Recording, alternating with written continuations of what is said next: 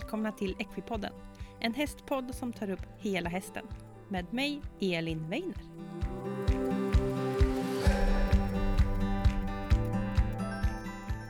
Hej alla Equipodden-lyssnare och välkomna tillbaka till ett nytt avsnitt av Equipodden. I det här avsnittet så kommer vi att få träffa Jonna Landén. Och Jonna hon arbetar med sadlar och hon har faktiskt varit med i Equipodden innan i ett av de populäraste avsnitten någonsin faktiskt och det är nummer 16. Så det är ett ganska avsnitt för länge sedan men helt klart väldigt värt att lyssna på. Och Jonna hon håller som sagt på med sadlar och det är det som är temat för veckans avsnitt. Eh, Jonna eh, berättar om eh, salens sadelns uppbyggnad, hon berättar om eh, bommen och om stoppningen. Hon berättar vad hon lärde sig när hon var och träffade doktorn på sadlar i Frankrike och arbetade och fick lära sig massor där. Vi pratar om stoppning, vi pratar om service, vi pratar om paddar, vi pratar om stroppar och sadeljorden, hur ska man tänka, när kan det bli fel och så vidare. Vi pratar också om eh, liksom det här med att hästen kan få ont i ryggen och vad ska man tänka på då? Och bara massa, massa mer. Eh, Jonna är sjukt grym på det här och har så mycket kunskap som delar med sig i det här avsnittet. Så ja, jag tycker helt enkelt att vi bara kör igång veckans avsnitt.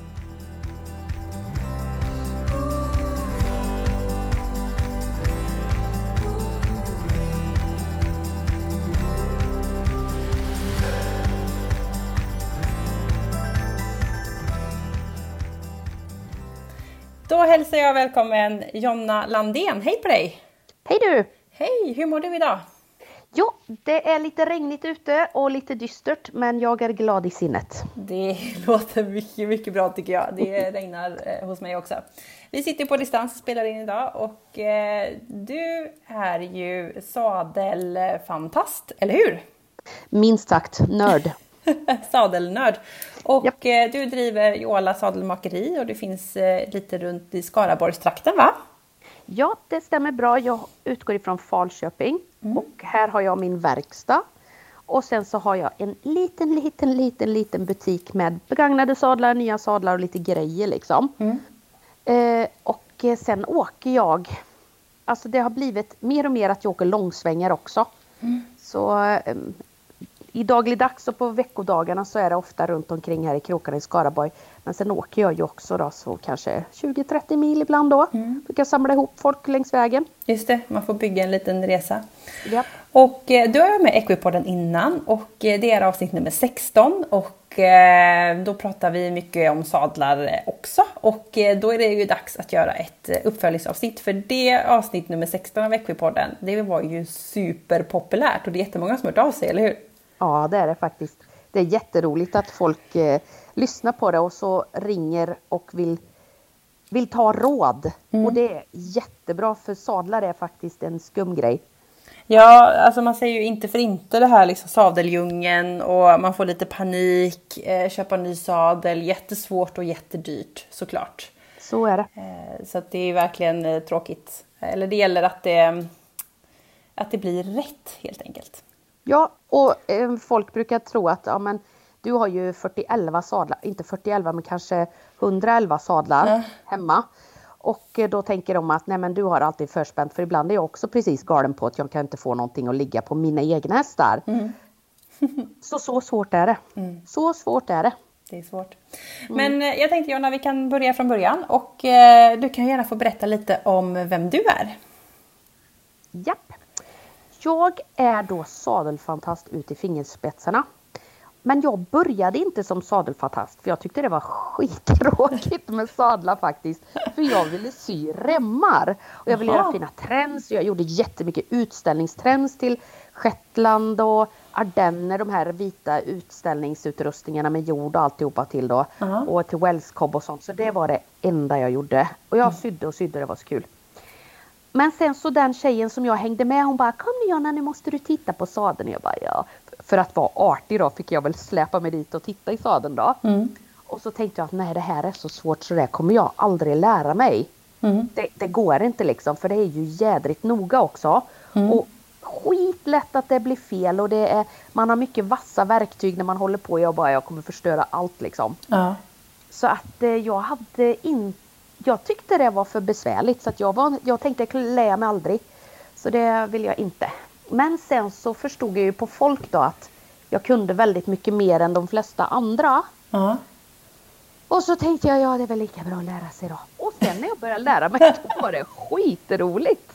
Och jättespännande. Och jag lär mig varje dag. Lär jag mig saker. Ja, det är, ju, det är ju fantastiskt. Ja, det är det. Och, och hur länge har du hållit på ungefär då? Eh, jag började med att eh, hänga med på den här tjejen då för 20 år sedan ungefär. Mm. Och sen så har jag hållit på med, jag flyttade hit 2003. Mm. Nej, inte 2003, 2004. Och då fick jag gå över mer och mer till sadlar. Då, så att sen har det varit väldigt mycket sadlar och ju mer sadlar det blir desto mindre utställningstrends blir det då tyvärr. Men, ja. Ja, man får ju välja lite va? Men det, nu är det ju roligt, åtminstone var det ju inte förut. Nej, men det är väl det viktigaste att man tycker det är kul det man gör. Då blir det ju så mycket bättre av allting. ja, visst är det. Mm. Och som sagt eh, sadelprovning. Och eh, när vi pratade sist, när du var med sist i Equipodden, så skulle du vara på väg att åka på en resa till Frankrike och hänga med en eh, doktor där. Eh, Ja. Vill du inte berätta lite om det? Jo, eh, jag var på kurs. Den är sex månader är den kursen. Mm. Och det är ju jättemycket teori då med hästens eh, muskler och rörelseapparat och vad den ska äta. Och, alltså man, lite de här sex månadernas teori var att utbilda oss till att bli eh, som hästgubbar och hästtanter om du förstår vad jag menar. Sådär som man kan fråga om råd i det mesta. Mm. Och eh, då åkte jag då till, sen, sen var det de praktiska grejerna, då åkte jag ner till Frankrike till Gary Van Ossanen. Och hon är veterinär från början. Mm. Och sen har hon doktorerat på sadlar faktiskt. Mm. Så hon har en utbildning som är både teoretisk och praktisk i sadelproveriet där då. Så att vi var folk från alltså hela världen. Hon som kom längst bort var från Sydafrika. Ja, coolt. Ja, skitcoolt. Och Sydafrika, Italien, Frankrike, England, många engelsmän. ehm, Holland, Estland, Italien och lilla jag. Ja, en svensk. Ja, Hur många var ni på kursen då? Jag tror vi var nio. Ja, det är inte så många ändå. Nej, men det var jätteintensivt. Man var helt slut alltså med, med tanke på väldigt mycket teoretiskt engelskt språk. Mm. Och sen som liksom på kvällen då hade jag ju ingen att prata med på svenska heller utan då var det ju engelska och man bara och prata och bytte erfarenheter och sådär. Och sen så på engelska då och sen så, så var det undervisning på engelska fast vi var i Frankrike som tur var. Så man var ju jätte, man var helt urblåst när man kom hem bara hjälp. Så jag kunde när jag mötte min pappa på flyget så började jag prata engelska med folk runt omkring du vet. Jag svenska med honom. Ja, det var helt knasigt. Men hon i alla fall, hon har doktorerat den här kvinnan då. Och frågeställningen i hennes doktorsavhandling var vilka egenskaper ska en sadel ha för att eh, passa mesta möjliga eh, upplaga av hästar? Ja, just det. Alltså från eh, kort rygg, lång rygg, svängd rygg, inte så svängd rygg och så vidare. Mm. Och vilka egenskaper ska sadlarna ha för att inte störa all eh, mekanik, muskler, eh, rörelse, alltså allt. Alltså vilka, kan, kan man överhuvudtaget se att sadlarna har speciella egenskaper i sin utformning för att den ska störa så lite som möjligt, inte skapa den här eh, håligheten bakom manken och så vidare. Kan man se det och vilka är de egenskaperna då? Mm.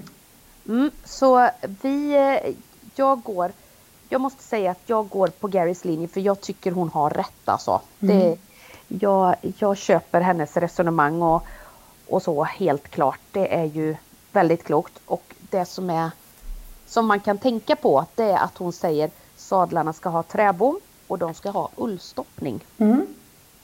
Det är Okej. två utav de här två utav de här sakerna som man ska ha då om man är sadel, säger Gary. Mm. Ullstoppning känns ju som att det är ganska vanligt. Men trästopp, eller träbom, är det vanligt? Ehm, eh, det är inte lika vanligt som ullstoppning. Mm. Men det är inte helt ovanligt. Mm. Och anledningen till att man vill ha en träbom Mm. det är att annars så får man ha de, Alltså motsatsen till träbom det är någon form av syntetbom. Mm. Och syntetbommen är kanske kolfiber eller något Mm. plastmaterial. Precis, ja, lite hårdare så. Mm. Ja, men det som är då, då får man helgjuta den Mm. bommen. Och man kan titta på nätet, man kan eh, till exempel slå på syntetiskt, syntetisk bom och vill man slå på engelska då så heter bom tree, alltså som träd. Mm. Just det. Och då så ser man att den syntetiska bommen är helgjuten så den är som en, eh, en eh, plastprodukt bara. Det finns det. liksom inga hål i och det finns liksom ingenting utan det är en plastprodukt. Mm. Medan man tar en träbom då är det liksom eh, de kallar det för rails på engelska. Jag, vet, jag kan ju bara allting på engelska. Det är väldigt jobbigt. Men rails då, det är ju som... Eh, vad heter det på svenska tror vi? Ja men eh, spår. Eller eh, man brukar ju säga tågrails. Ja, precis. Men alltså som...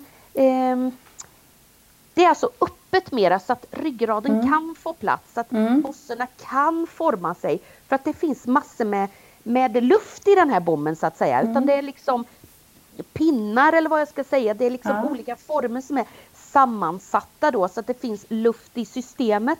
Mm. Så att bossorna kan flytta sig lite och de kan forma sig lite och, och det blir liksom inte punkttryck på samma sätt från bommen. Just det. Ja. Det blir lite mer levande material. Ja, och sen så blir det mer eh, eh, mellanrum i själva eh, produkten så att eh, eh, mellanrummet gör att, att till exempel ryggraden Mm. eh, har, den är helt fri liksom på en Mm. träbom. Mm. Det finns ingenting som ligger över. Medan på en plastbom då, då finns den där plasten över och hon visade punkttryck. Mm. Och jag har tänkt på det efterhand för hon bara, där blir det, det sa jag till. Och så sa hon ett märke som hade varit där och visat sina bommar var jättemalliga. Hon bara, där blir det ett punkttryck. Och mycket riktigt har jag ju sett det i efterhand då när man känner, ja där kommer det här punkttrycket som Gary pratade om. Ja, just det. Det är jädrigt intressant. Huh. Mm, viktigt. Men det här känns ju väldigt svårt jag som eh, vanlig eh, ryttare. Hur ska jag veta vad min sadel innehåller liksom?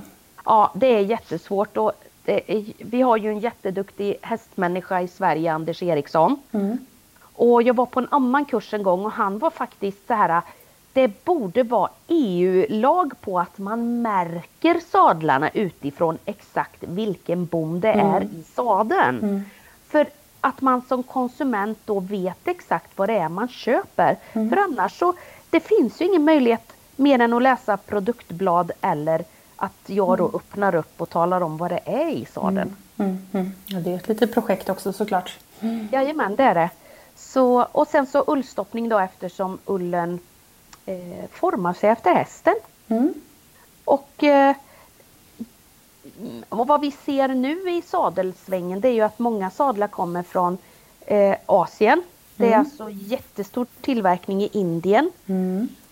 Och indierna är duktiga, det var de inte förr men de är jätteduktiga på det här med läder och, och eh, ja, de är skitduktiga så. Men de har ju inte så himla mycket får där så att det blir ofta någon form av syntetisk ullstoppning eller också blir det sån latexpanel då. Ja.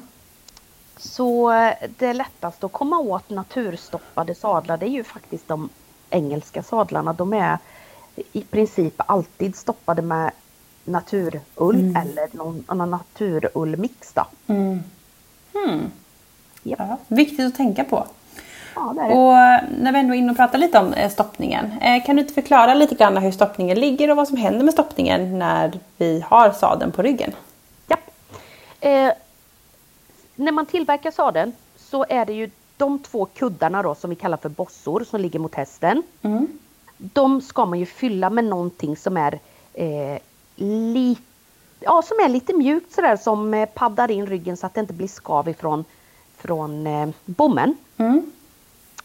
Och då kan man ju välja att ta ull då. Och då, jag gillar ju naturull jättemycket för det vet man ju själv då. Är man ute på vintern och svettas som en galning och har ylle på sig.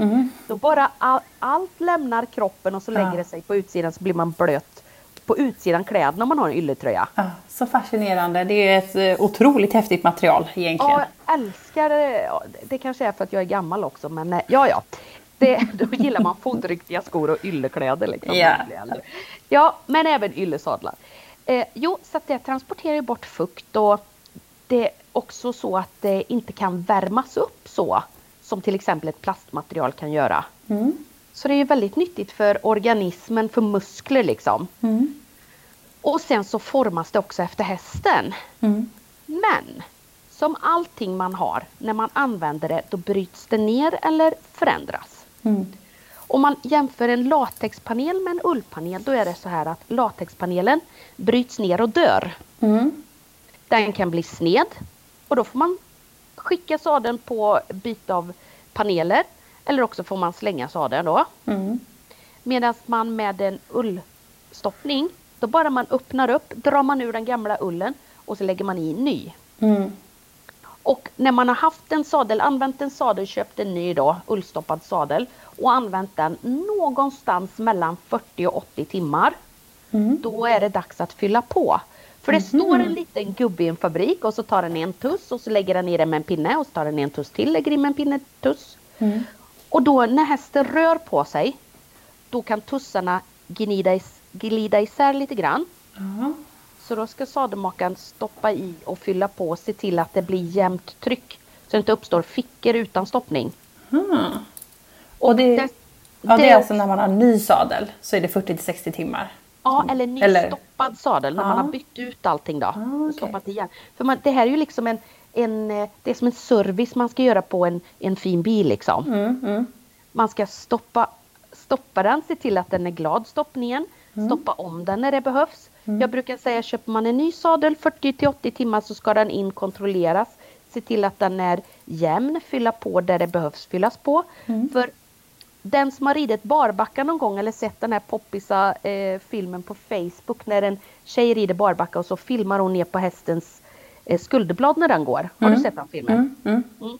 Då ser man vilken otrolig rörelse det är i frampartiet. Mm. Och den otroliga rörelsen som är i frampartiet finns inte i bakpartiet. Där ligger sadeln mer still. Mm. Så där packas ullen mycket, mycket snabbare. Mm. Så det måste man fylla på snabbare. Och så balanserar man upp sadeln så tycker hästen att sadeln är som ny igen. Mm. Och frid och fröjd. Och sen så kör man. Och så brukar jag säga till alla som bor här i närheten.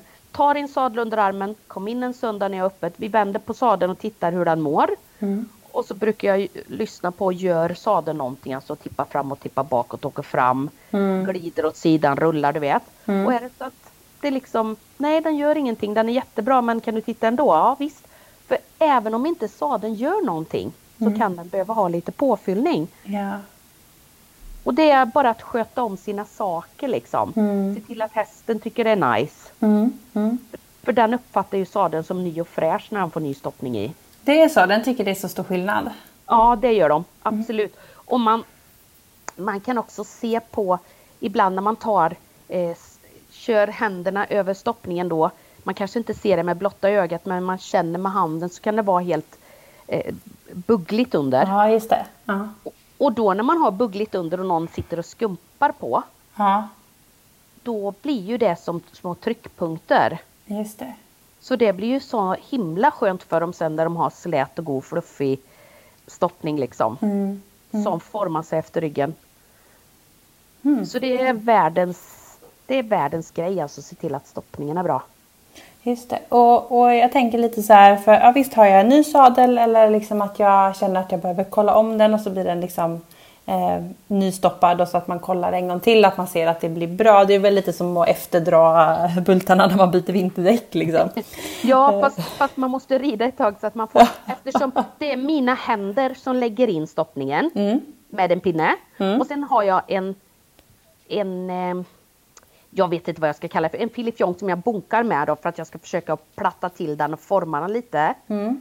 Men jag kan ändå inte kompensera det som hästen och ryttaren gör i rörelse och med Precis, tyngden så. precis. Utan det, det liksom sätter sig, formar sig efter hästen och sen bara fyller på det, försöker bevara det som hästen har format men ändå balanserar upp den och fyller på. Just det, just det.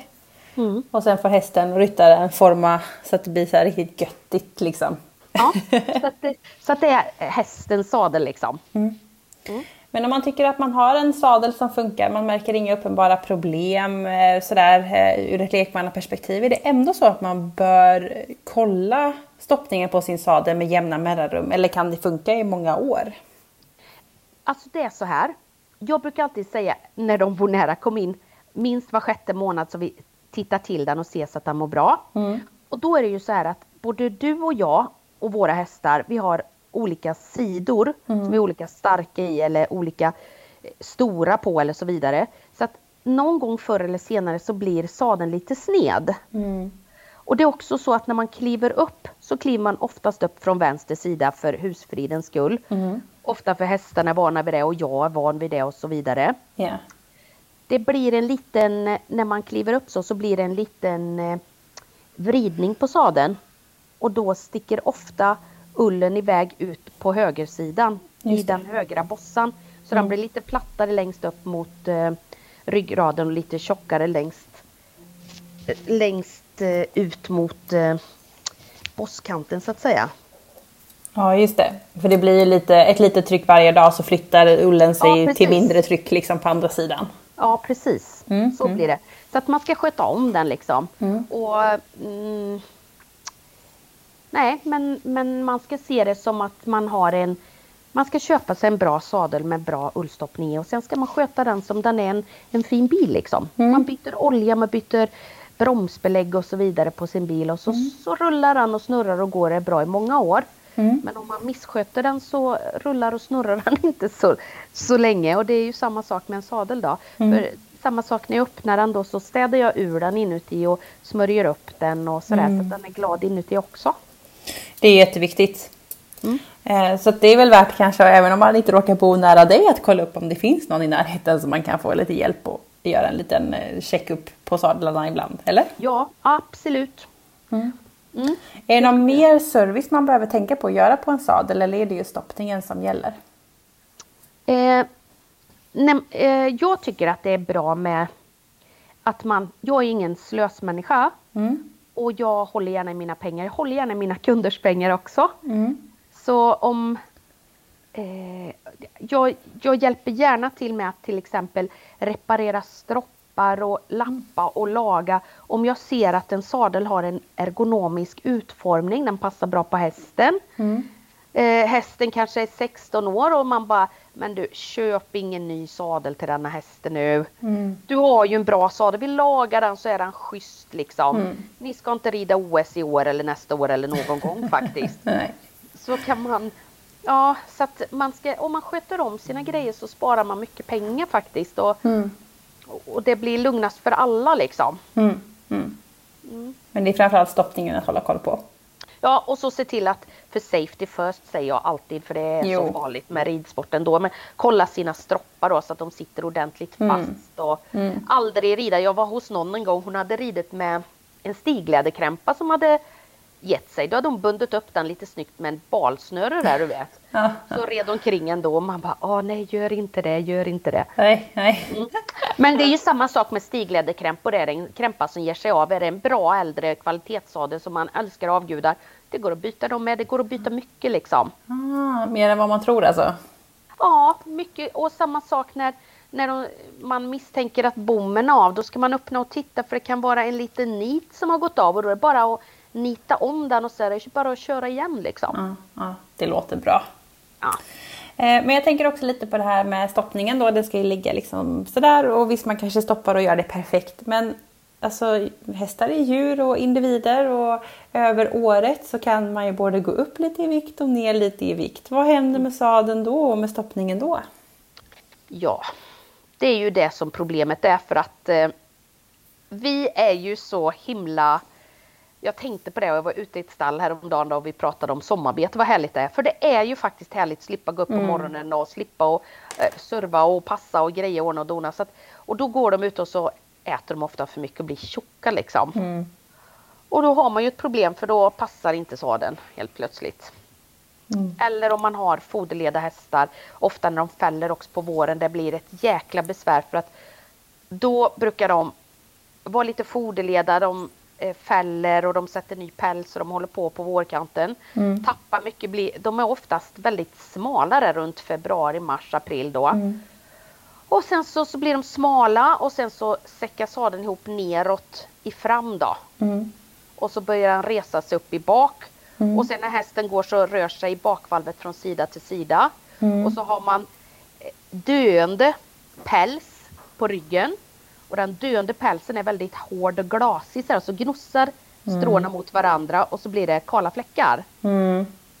Och då eh, ringer folk och säger att sadeln skaver. Det gör den inte utan det är snarare tvärtom att den har för mycket rörelse då. Ah. Att det är det som händer. Och jag brukar faktiskt säga att har man någon som, som eh, gör så med sadeln, man kan inte köpa en ny sadel varenda gång.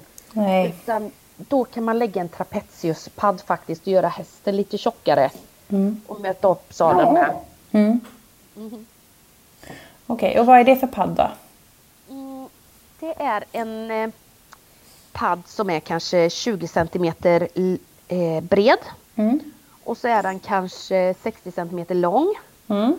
Och så lägger man den bara vid bakom manken. Du vet där hästarna brukar bli hårdiga när de tappar muskler i manken. Ja, De ja. har gått för, för smal sadel och sånt där. ja. Där sätter man den. Så man sätter ju den som liksom en lösmuskel då. Mm. Mm. Man fyller på lite. Ja precis. Så att man eh, packar igen det hålet där och då kan ju inte sadeln kollapsa neråt där Mm. utan då har den någonting att stö sig på. Mm. Och det kan jag faktiskt, det skulle jag vilja säga för det var någonting som Gary pratade väldigt mycket om. Mm. Och det var när vi pratar om hål, eh, håligheter, det heter ju atrofi då. Mm. När de blir så här håliga bakom manken. Mm. Eh, det finns, säger hon och jag håller med henne till fullo, ett sätt att eh, mota oligrin när det gäller de här atrofin då, och särskilt när man har hästar som är som har en manke, inte såna här tjocksmocka du vet runda som är som kaggar utan snarare sportigare hästar och lite smalare hästar, lite äldre hästar. Mm. Och då ska man faktiskt leta efter en sadel som har en kil i fram. Mm. Så att om man vänder på sadeln så man ser rakt in i framvalvet. Så tittar, vänder man blicken så man ser bosserna då på vardera sida framvalvet. Mm. Så ska det finnas en liten skinnkil där. Mm.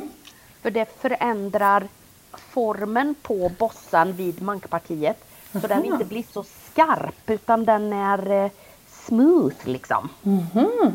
Och vidare så kan man lägga in en hel del stoppning där så att det är de väldigt stora skulderblad till exempel. Mm.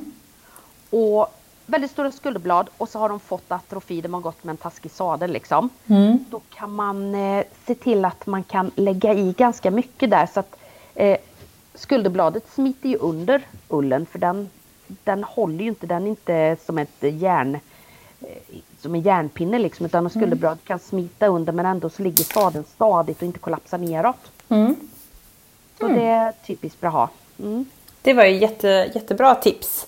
Och mm. koppla tillbaka lite till att liksom när hästen förändrar sig så får man försöka stötta upp med eh, redskap helt enkelt. Ja. Eh, och mm, försöka hålla hästen så jämnviktig som möjligt. Ja, för, och det, ibland är det ju omöjligt. Det finns ju sådana som, som går som malar och blir tjocka, du Mm. vet. De går som malar ute i hagen och blir jättetjocka.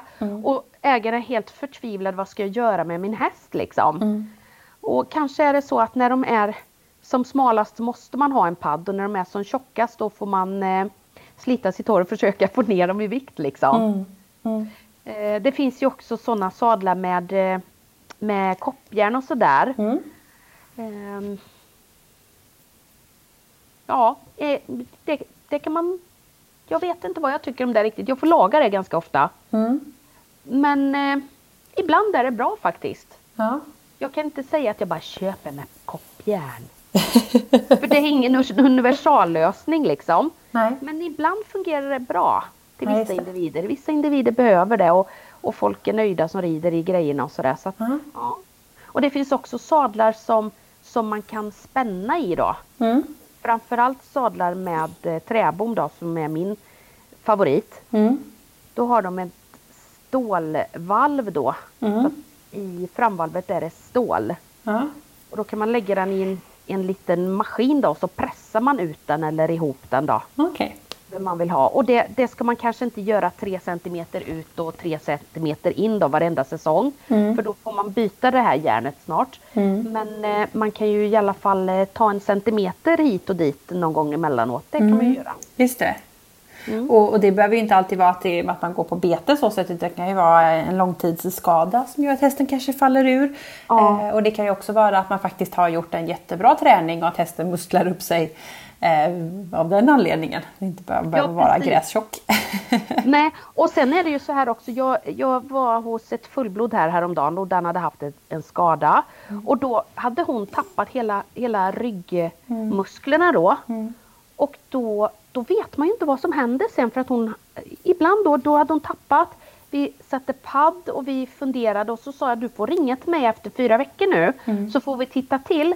För om hon växer lika mycket i bak som i fram då kanske vi inte har några problem. Men gör hon inte det utan hon fyller på i fram då kanske vi måste spänna ut sadeln. Så att de lägger ju tillbaks musklerna på olika sätt också. Så att det är så svårt att, att generalisera det för alla individer är inte likadana heller du vet. Nej, precis. Så man ska ha en bra man ska ha en bra sadelprovare, helst sadelmakare som, som man kan hänga med liksom, som Ja. kan göra om saker åt en. Precis. Och att man eh, får lite hjälp lite hela tiden eller att man kan ha en bra relation och kanske komma förbi som hos dig där eller att man kan ringa och fråga nu har det här hänt, vad, vad ska jag göra liksom. Ja, precis. Och en del grejer kan man ju sköta på avstånd då. Men det är väldigt, alltså jag... Mm, till exempel passa den här sadeln, det är inte en fråga som jag tycker om att få då. Så får jag en bild eller en film. Ja. För jag vill gärna in med händerna och klämma och känna så det va. Ja. Men annars, eh, andra såna här generella råd då. Åh min häst den har fått skav i bak där och typiskt på våren. Mm. Ja det vet jag vad det är. Den har blivit smalare eller hur? Ja. Lägg en trapeziuspadd så sadeln ligger stilla ska vi se att det blir bättre. Lägg ett renskinn och rid på. Mm. Liksom. För en del får ju skav av tyglarna och allting på Ja. vår. Ja. Vissa är jättekänsliga i de perioderna. Ja, ja så mm, man ska och sen, sen är det ju att man ska ha en, precis som med allting, jag menar tandläkare och, och eh, sjukvård och, och sådär till sig själv och hovslagare och veterinär och sadelprovare när det gäller hästen, att man känner att man litar på den, att den, att den har kloka tankar och idéer och att man kan bolla med varandra och ibland så måste man få prova grejer liksom. Vi ska prova så här, nej det blev inte bra, det blev inte alls som jag trodde. Så att man, man liksom kan försöka göra en lösning som är så bra som möjligt. För, för både hästen och folket och plånboken också. För man får inte glömma att det är dyrt med grejer liksom. Det är jättedyrt. Man kan inte hålla på och köpa sadlar för 40 000 två gånger om året liksom. Nej. Nej, det går inte. Nej, det går rakt inte. Nej, men jag tänker att det är liksom som en förtroendebusiness också då, att man får, att man ska ha ett bra samarbete så man kan resonera. Alltså, hur tänker du? Nej, jag vill ha en ny sadel nu. Jag tycker inte om den gamla, jag har ont i min rumpa liksom. Ja, men då tittar vi på en ny sadel. Hur tänker du? Ja, egentligen har jag inte råd för jag har veterinärräkningar. Nej, men då ska vi se om jag kan göra någonting med din sadel. Eller vi kan padda den på något vis eller vi kan göra någonting i alla fall. Och så ha det som en, en plan då så att det inte blir värre i alla fall. Mm, precis, så att man kan reda upp. Eh, jag tänker, vi har varit inne och pratat lite om paddar lite generellt här. Men vi pratade också innan vi började spela in här att det är lätt att känna att bara, oh, jag slänger på en padd så är alla problemen löst. Ja. Eh, men ibland kan paddar vara bra. Kan du inte bara berätta lite om dina tankar kring eh, att, att man generellt sett paddar en del? Alltså jag vet när jag var yngre nu är det ju många år sedan såklart när man var liksom sådär liten i stallet så var det en eh, kille som hoppade och var så här jättecool. Eh, och, och han sa att när man hoppar så måste du ha en padd för det är nästan djurplågeri annars för sadeln kommer att slå fram. Eh, jaha, sa jag och satte på en padd. det Ja. finns ju mycket sådana gamla liksom, sayings i, i stallen. Eh, vill du bara prata lite om det? Ja, vi ägnade två dagar åt paddning i Frankrike. Mm. Och då eh, så sa Gary sa så här. när man har en latexpanel på, på sadeln då måste man ha en padd. Mm. För latexpanelen formar ryggen annars och inte Ullen Ah. formar ju sig efter ryggen. Ja, ja. Latexpanelen är så pass eh, stadig så den kan forma ryggen istället. Oj då. Ja. Så då måste man ha en padd. Och det är det som gäller. Eh, måste de rida med sina latex, för hon, hon gillar inte latex så mycket då. Nej, det förstår jag. Måste de rida med sina latexsadlar så säg så här. Bra, då har du den när du hopptävlar och hopptränar och så. Och så ser du till att du har någon annan sadel med bra mjuk eh, ullstoppning som man inte behöver ha padd till. När du trimmar eller rider ut i skogen eller så. Eh, så sa hon och sen så sa hon att eh, paddning alltid till latex. Hon själv paddar till de stora holländska ryttarna som susar förbi henne när de är nere i, i Europa och tävlar. Då. Mm. För att det är nämligen så här att det är skitsvårt att padda. Mm. Men det tror inte folk för de tänker att det är ju så mjukt så att det spelar ju liksom ingen roll. Nej, precis. Det kan ju inte göra någon skada när det är så fluffigt. Ja precis, det är bara det att det, vem vet vart det tar vägen. Mm. Och då kan jag tänka lite så här. eh, egentligen så om man ska padda själv och man har inte tid eller man har inte råd att ta ut någon eller sådär. Så måste det vara skitnoga för till exempel sådana här fårskinnsfluffiga. Mm. Det lurar ju ögat för att det är ju så mycket fluff så man ser ju inte vad sad, om sadeln ligger stilla eller ej. Nej, just det. Det får man ju gå bredvid och, och illetitta eller sticka in någon hand eller någonting. Mm. För att se om sadeln ligger stilla. Och faktum är att eh, sådana här eh, fluffiga, det har jag märkt flera gånger att de kan liksom åka upp i kanalen precis bakom framvalvet. Mm. Och så lägga sig och knipa där runt manken. Jaha, ja. Så att det ligger ju liksom inte ner mot hästen som man vill göra utan det kan ju liksom floffa upp i kanalen och då blir det ett nyp där. Ja, just det. Så det är ju inte så himla bra men ibland funkar det så man kan ju inte säga något generellt med paddning liksom. Mm. Men jag tänker ibland att om man ska padda själv att man ska ha någonting som man kan se med blotta ögat. Mm. Vad det är som händer. Mm. Känna under, känner jag något att det nyper något, att det ligger på något, förändra det bommens form för att om det kryper upp du vet då kan det, sadeln upplevas som väldigt svängd istället. Mm. Så att padda själv är inte det som jag tycker att man ska göra egentligen. Mm. För padda är svårt som fasen. Mm. Mm. Och jag fortfarande säger vilken padd ska jag ha säger folk. Ja jag vet inte säger jag. För att om jag ska padda någonting då vill jag ha massor med paddar att prova. Mm. För jag vet inte hur paddan uppför sig ihop med just den här sadeln den här hästen och den här kanalen liksom. Nej, precis. Så det är svårt. Mm. Ja, och där är det ju återigen då att få hjälp av någon som kan. Mm. Eh, Som kan stötta i en, som vi sa här, en, en period till exempel. Ja. Och sen om man har en padd under och så ska man känna under. Mm. Lägg ett schabrak, padden, sadeln. Mm. Sen när du ska känna så under schabraken mot hästens rygg då. För tar du bara padden och kör under då är det supermysigt allting nästan. Det är Ja. omöjligt att känna liksom. Men tar du under schabraket så får du bättre känn då med handen. Mm. För då kan man sortera de intrycken man får för det kan man inte annars. Nej. Man blir lurad av fluffet. Ja man blir det faktiskt. Mm. På många sätt. Mm. Gud vad spännande, intressant. Massa saker har vi fått med här. Jag tänkte att vi skulle eh, gå vidare lite granna och prata om eh, stroppar och eh, ner till, sadeljorden. Ja. Eh, för där pratade vi lite innan vi spelade in att man tror att man kanske har en dålig sadel fast det egentligen är eh, sadeljorden som är, fel på. Ja. Eh, ska vi bara köra igång på det temat? Japp. Eh, nu för tiden så har hästar med den aveln vi har, har idag så har hästarna ofta långa mankar. De kan sluta långt bak på ryggen på dem höll jag på att säga men de slutar långt under sadeln. Mm. Och jag hör ibland människor som säger ja annat var det förr då slängde man på sin stybben och så red man. Mm. Ja men då hade hästarna också andra mankar. Mm. De hade inte så långa mankar utan mankarna var som en, du vet, som en älgpuckel framför. Mm. Eller väldigt låga mankar. Ja, det fanns ju olika mankar då, men de var inte så långa. Nej, precis. En exteriör med en lång manke, då blir ofta sadeljordsstaden i förhållande till stropparna längre fram. Mm. Ja, och så kommer man där med sin sadeljord och så vet man inte riktigt hur man ska göra. Ska jag... Fan, då stropparna och sadeljordstaden matchar inte. Ska jag sätta den runt magen? Ja. Sätter man den runt magen då kommer den åka fram. Ja. Åker den fram så drar den i sadeln. Ja. Tänker man så här, nej men jag sätter min sadeljord i sadeljordstaden och så får den dra i stropparna där då. Den sitter väl fast ändå. Den drar i stropparna och sadeln vill inte ligga still. Mm. Så det här med sadeljordar är faktiskt otroligt underskattat. Ja.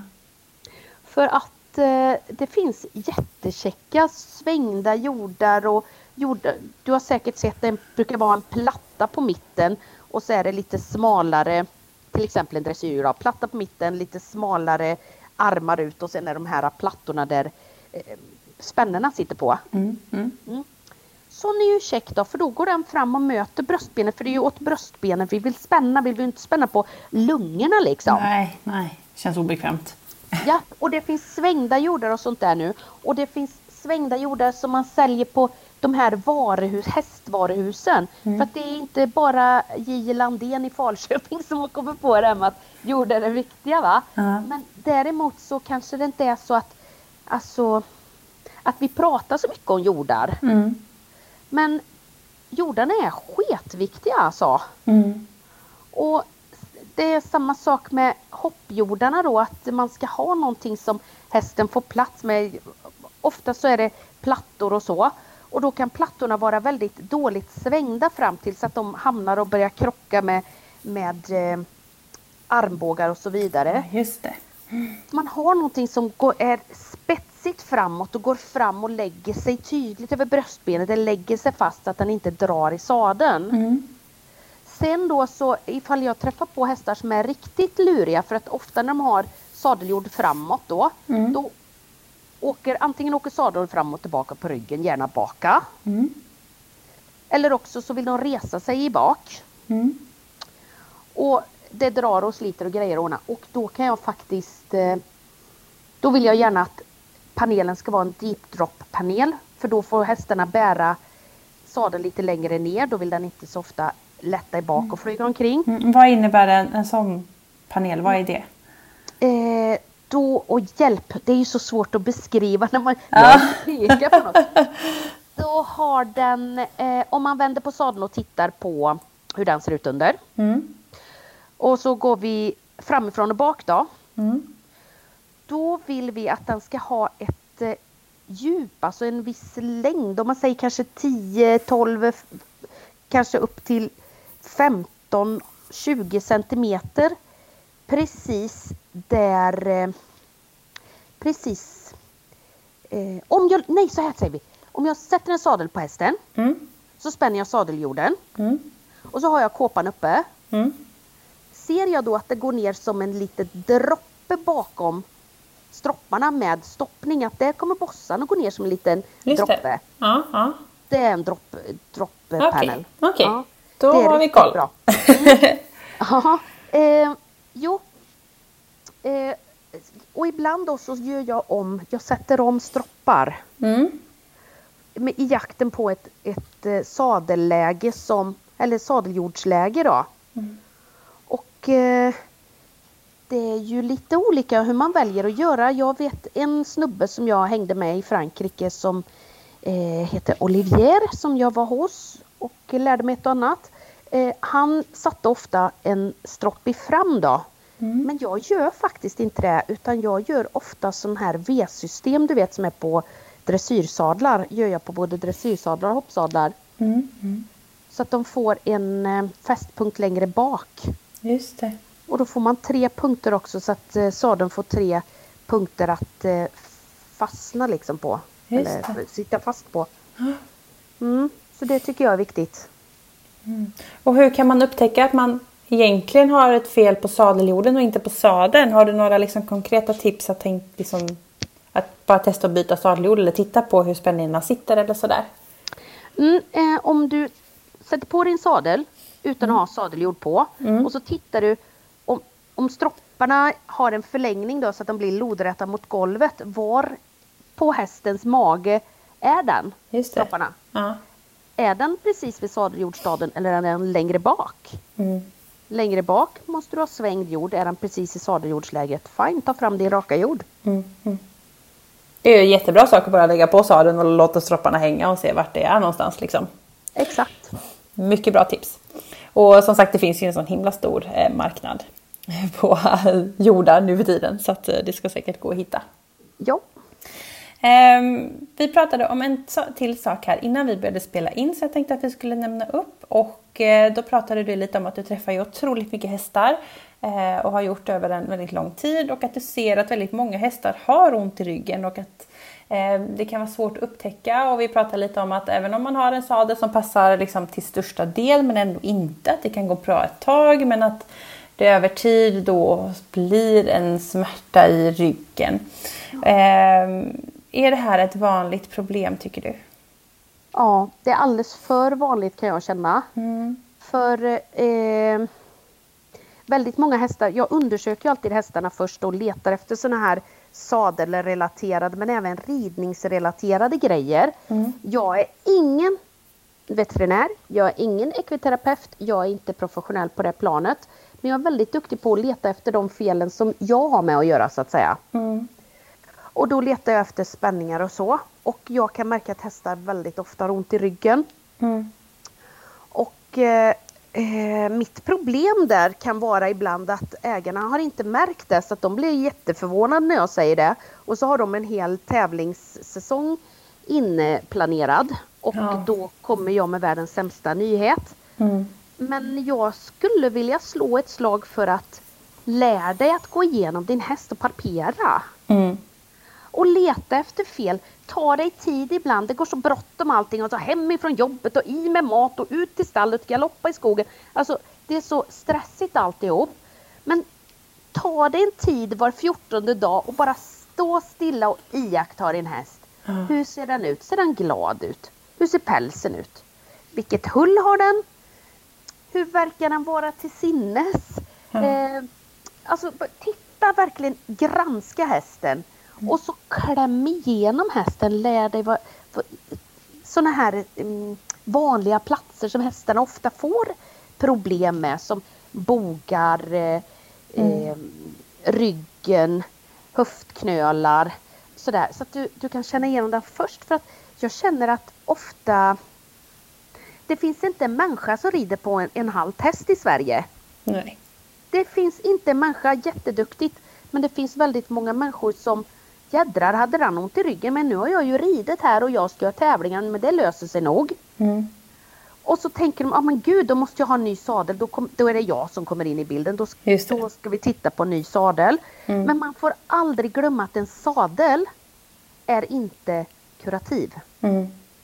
Den, den är inte en medicin utan man måste behandla den med någonting först. Mm. Till exempel massage. Just det. Mm till exempel akupunktur eller något annat som man gillar. Man har säkert någon ekviterapeut mm. eller någon massör som man gillar liksom. Se till att den också kommer ut och, och liksom går igenom hästen för man tjänar på det i både tid och pengar. Mm. Och att man liksom lägger in vila för jag tror att hästar rids kanske sex dagar i veckan i genomsnitt idag. Mm. Och det det är väl så att om jag skulle göra samma sak sex dagar i veckan då skulle jag få förslitningar, jag skulle få inflammationer, jag skulle få smärta. Mm, mm. Så jag tänker att det är viktigt att man gör andra saker. Åk på sån här, jag och min häst vi var på sån här eh, miljöträning. Just det. Vi hade skitroligt. Mm. Och jag satt inte på hans rygg någonting men vi hade så himla roligt. Vi sprang mm. kring där och tittade på allting. Fantastiskt roligt och bindande för oss. Gå ut och gå med hästen. Går det inte att gå med den, men longera den då, löshoppa den. Gör något annat liksom. Yeah. Än att bara sitta på jämt. Kanske ha två sadlar till och med. Uh. Så man kan byta tryckpunkter. Men jag tror inte man ska vara så rädd för att hästen kan få vila två mm. dagar i veckan. Nej, precis. Det är nog inte så farligt. Det är jag tror att det faktiskt skulle gynna många hästar. Mm. Som du säger att ha en aktiv vila. Eh, tömkörning, longering, promenad. Eh, och inte alltså, vila från att sitta på. Liksom. Man behöver inte Ja, bara stå i en grushage och glo för Nej, att man nej har det är ju skittråkigt. Eller, jag köpte en sån här pilatesboll, min är ju väldigt Ja. lekfull. En pilatesboll som vi leker med här ute på ridbanan liksom. Mm. Och, och att vi, då leker vi och han vet ju att nu är det lek då och då, har vi, då umgås vi liksom. Mm. Och det är skitroligt. Eller trickträna eller någonting. Gör något annat med din häst. Mm, för det är Ja. bra för, för relationen också. Mm, jag tror det. Jag tror det är jättehärligt eh, och roligt. Som sagt, det är bara med hästen några timmar per dag. Eh, Precis. och Då ska det vara den bästa tiden vi gör. Ja men det är det. Eh, ja, tiden springer iväg. Jag tänkte att eh, vi har fått en hel del lyssnarfrågor eh, och jag hoppas vi har vävt in och svarat på de flesta. Det jag tänkte vi skulle liksom poängtera lite grann, det är nämligen fått fråga lite kopplat till islandshästar och islandshästsadlar. Och där Jonna har vi, har vi ju insett att det är lite knivigt, eller? Ja, det är knivigt med islandshästar. Eh, islandshästar har blivit mer och mer poppis i mitt område. Och eh, jag har eh, tidigare haft en kollega som har tagit hand om islandshästarna väldigt mycket och hon är nog sketbra på det tror jag. Men eh, nu så har de frågat mig så att jag bara jajamän, jag åker ut. Och jag har lärt mig ett och annat. Ja. Men inte tillräckligt mycket. Nej. Men då är det så här att islänningar tycker jag har en... De kan stå i stallgången, man provar sadlar och så. Och så tänker man nu är jag nog på rätt väg. Och sen upp med ryttare ut i, i, eh, på ridbanan och så ser man en sån förvandling av Ja. häst alltså. Det, de blir, får jättemycket front och de bara ba, ba, ba. Istället för att vara som en liten lurvboll där inne i Ja. Alltså det blir sån otrolig skillnad i hela deras rörelse, hela ryggen blir helt annorlunda, hela aktionen. De, ah, ja, det är väldigt svårt. Många hästar kan jag förutse. Jag kommer till ett ställe jag vet, ja, jag ska ta fram den sadeln sen för det kommer bli jättebra. Ja, Men precis. islandshästar kan jag aldrig förutspå. Nej. Men det har också med min rutin att göra så jag tränar jättemycket. Mm. Sen är det så här. De har en ofta otroligt glidigt skinn. Jaha. Ja. Ja. Och så har de, en del har jättemycket rörelse i ryggen upp och ner och fram och tillbaka och att de liksom kan rulla med bröstkorgen. Alltså de har, Ja. Så att det kan vara svårt både för ryttaren och för mig som sadelprovare att hitta någonting som vill vara stilla liksom och Ja. så. Ja. Eh, och sen så kan de ju vara väldigt, det är ju små hästar som har ju korta ryggar liksom. Och sen är ju inte alla ryttare liksom 1,50 långa som ska rida de här hästarna utan man måste på med lite längre sadel. Ja. Om man tittar på dem på Island, de tar sina normallånga sadlar och sätter dem mycket längre bak Just det. än vad vi är vana vid. Mm. Och då får man frågan om sista revbenet. Mm. Alltid. Sadeln ska ligga innanför sista revbenet med hela sin, hela sin skapelse liksom. Mm. Ja. Men jag har inte hittat någon forskning på att det är så. Nej. Och jag har frågat var jag än har varit och frågat. Jag är, hänger med en sadelmakarmästare i Skottland som är jätteduktig. Jag har hängt med Gary där i Frankrike som är doktor på sadlar. Var vi än är och frågar samma fråga så säger de det finns inga, inga forskningsbelägg utan det är antagligen någonting som är sunt förnuft att Just det. Ja, så här va. Så att eh, jag...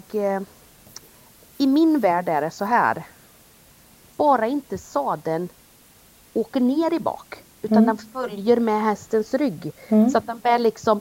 Eh, så att den inte bär 50 kilo precis bakom sina reben. För det är inte bra. Nej, nej, det känns ju lite obekvämt om man tänker logiskt liksom. Ja, utan att det liksom fördelar ut det på ett bra sätt. Mm. Mm.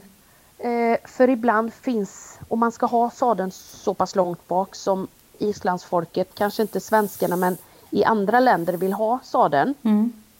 då, då, är, då är det långt bak alltså. Mm. Mm. Då finns det inga sådana sadlar i hela världen utan då kommer man bakom. Mm. Så är det. Och sen tänker jag att islänningar och vanliga hästar skiljer sig inte så mycket från varandra så att eh, ibland så kanske man inte ska vara så orolig för det med för lång sadel. Bara den följer med ryggen så man inte får en pet rätt in i, i eh, ländryggen där i bak. Ja, precis. Men sen är det ju så här med ston med, de har ju sina eh, stodelar i bak Mm. med äggledare och äggstockar och gud vet Mm. allting. Och de kan ju också vara mer känsliga så att det här är någonting som jag funderar på ganska ofta faktiskt. Jag kan inte generalisera.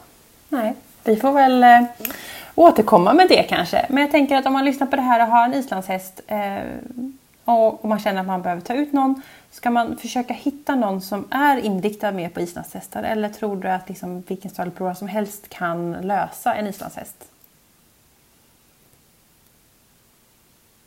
Alltså jag tycker så här, när jag är hos mina islandsmänniskor, eftersom jag själv inte är islandshästryttare, då måste jag, fast jag inte är inriktad på islandshäst, då måste jag vara jävligt, nu svor jag, eh, jag måste vara ödmjuk och lyssna på hur tänker ni? Hur tränar ni? Hur har ni det? Vad jag kan erbjuda det är ett par ögon som ser väldigt mycket. Bara jag vet vad det är jag ska titta efter och leta efter. Just det. Så jag kan bara hjälpa kan jag göra men jag kan inte Jag kan inte säga så här Nu får ni lägga över det här i min hand för jag löser detta åt er. Bara sitta på bänken så fixar Ja, jag. det. För det kan jag inte för det är svårt alltså. Ja. Jättesvårt. Mm, mm. Så man får se till att sadelprovaren inte kör sitt vanliga race med som man gör med, med halvblodshästar och sådär. Utan Mm. man får vara lite vaks, vaken då som, som sadelprovare. Just det. Lyhörd. Och, och som kund också då att känna liksom att man har, där kommer vi igen då på att man kan ha en ärlig relation med den man väljer att ta ut och känner att den här att man kan lita på att sadelprovaren kan liksom backa i det läget. Liksom bara, Nej, men här behöver jag lite hjälp och stöttning typ med, Ja. takter och sånt där. Liksom. Ja precis och, att, att man känner ett förtroende för ibland så kanske jag, jag, jag tror att jag ser konstig ut ibland när jag provar sadlar.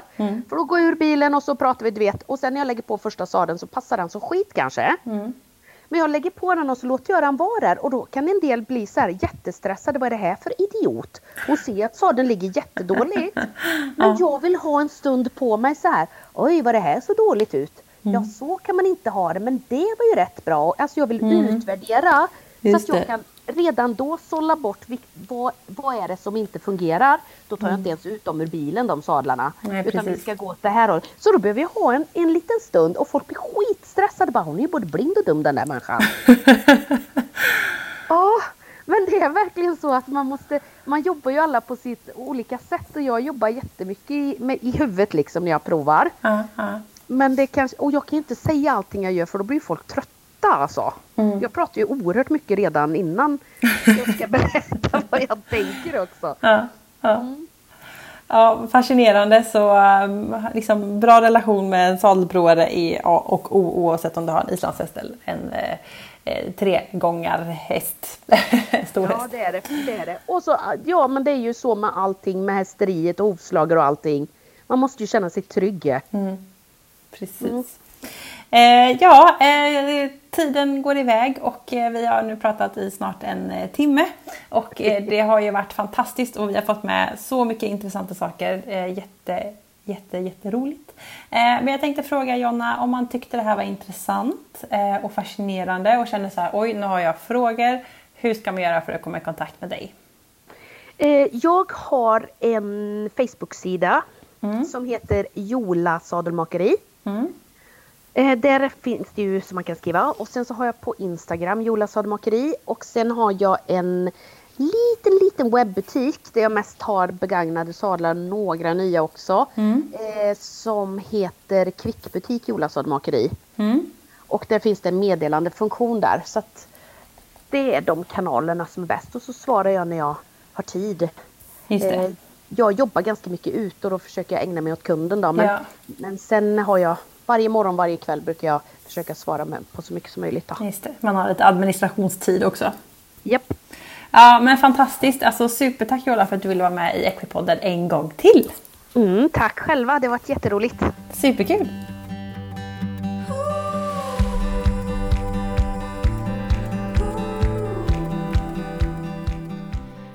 Tack, Jonna för att du vill vara med i Equipodden. Det är så intressant att lära sig mer om sadeln och framförallt sadeln riktat ner mot hästen. Otroligt, otroligt viktigt och eh, ja, så mycket bra, konkreta, enkla tips att ta med sig. Tack så mycket Jonna!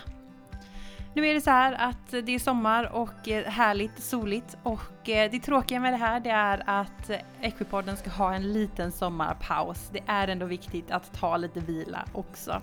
Och eh, det kommer komma ett avsnitt nästa vecka och då är det återbesök av Vivica på Svensk Hästrehab. Vi ska prata om multifider och ha tid att svara på lite frågor. Så har man inte skickat in frågor till mig via sociala medier så gör man det.